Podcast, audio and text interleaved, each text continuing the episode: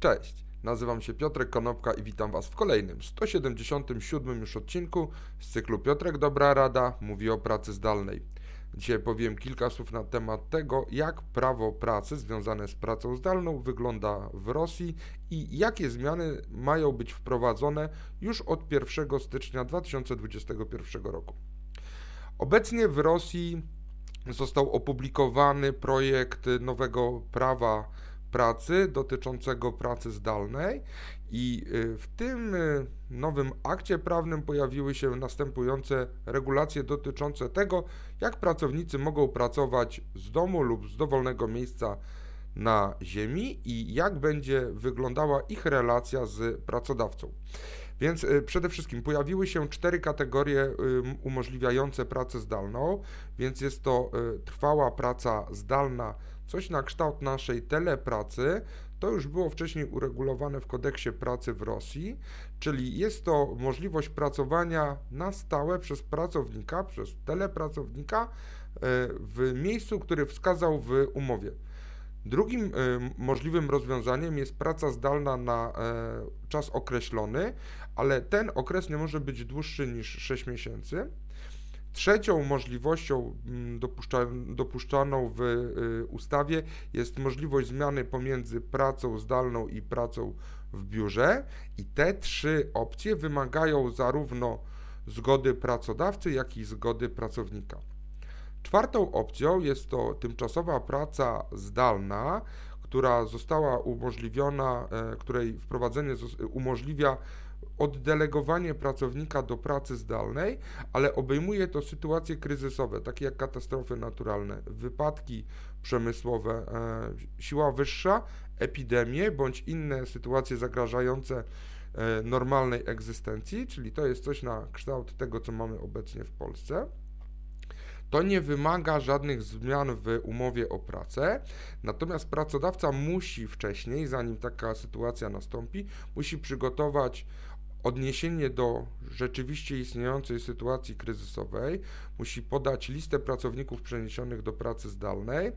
Będzie podany również okres, na który ci pracownicy przechodzą do pracy zdalnej.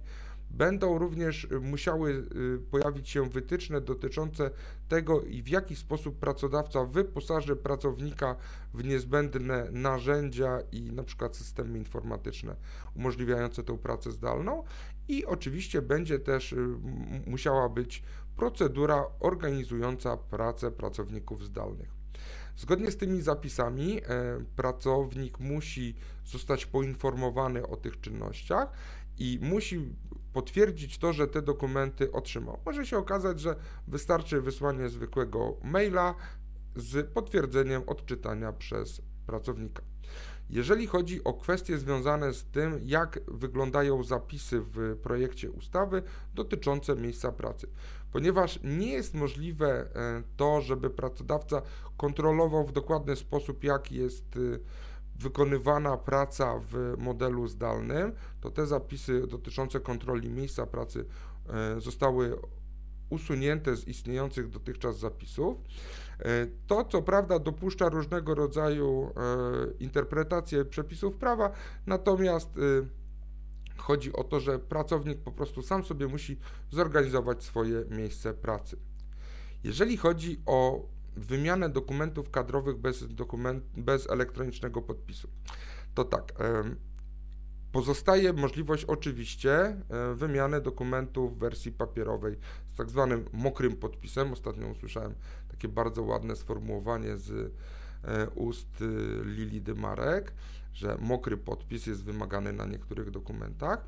Natomiast, żeby rozpocząć pracę i podpisać umowę o pracę bądź tą pracę zakończyć, wymagany jest w wersji elektronicznej kwalifikowany podpis bądź y, coś, co Rosjanie nazywają Enhanced Non-Qualified Electronic Signature, czyli podpis niekwalifikowany, rozszerzony.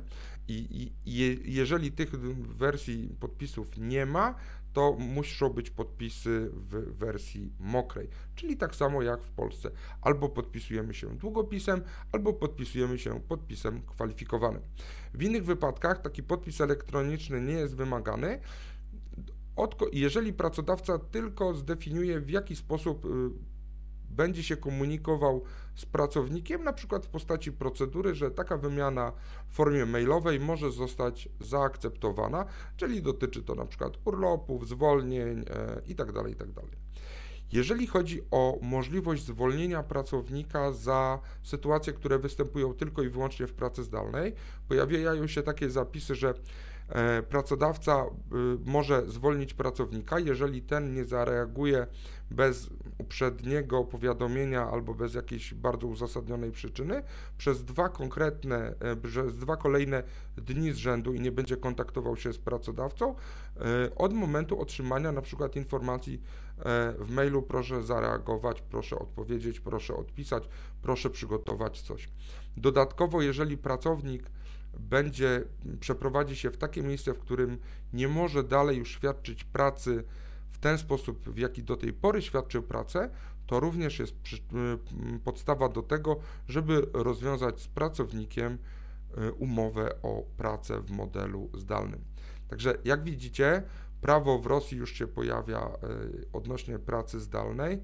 My natomiast tkwimy w takim prowizorium, czyli praca zdalna jest na gębę do momentu, kiedy ta pandemia się nie zakończy, plus 3 miesiące po niej, a jeżeli chodzi o zapisy telepracy bądź wprowadzenia tego na stałe e, w innej postaci niż jest dotychczas, to ani widu, ani słychu. Dzięki serdeczne, do zobaczenia i usłyszenia jutro. Na razie.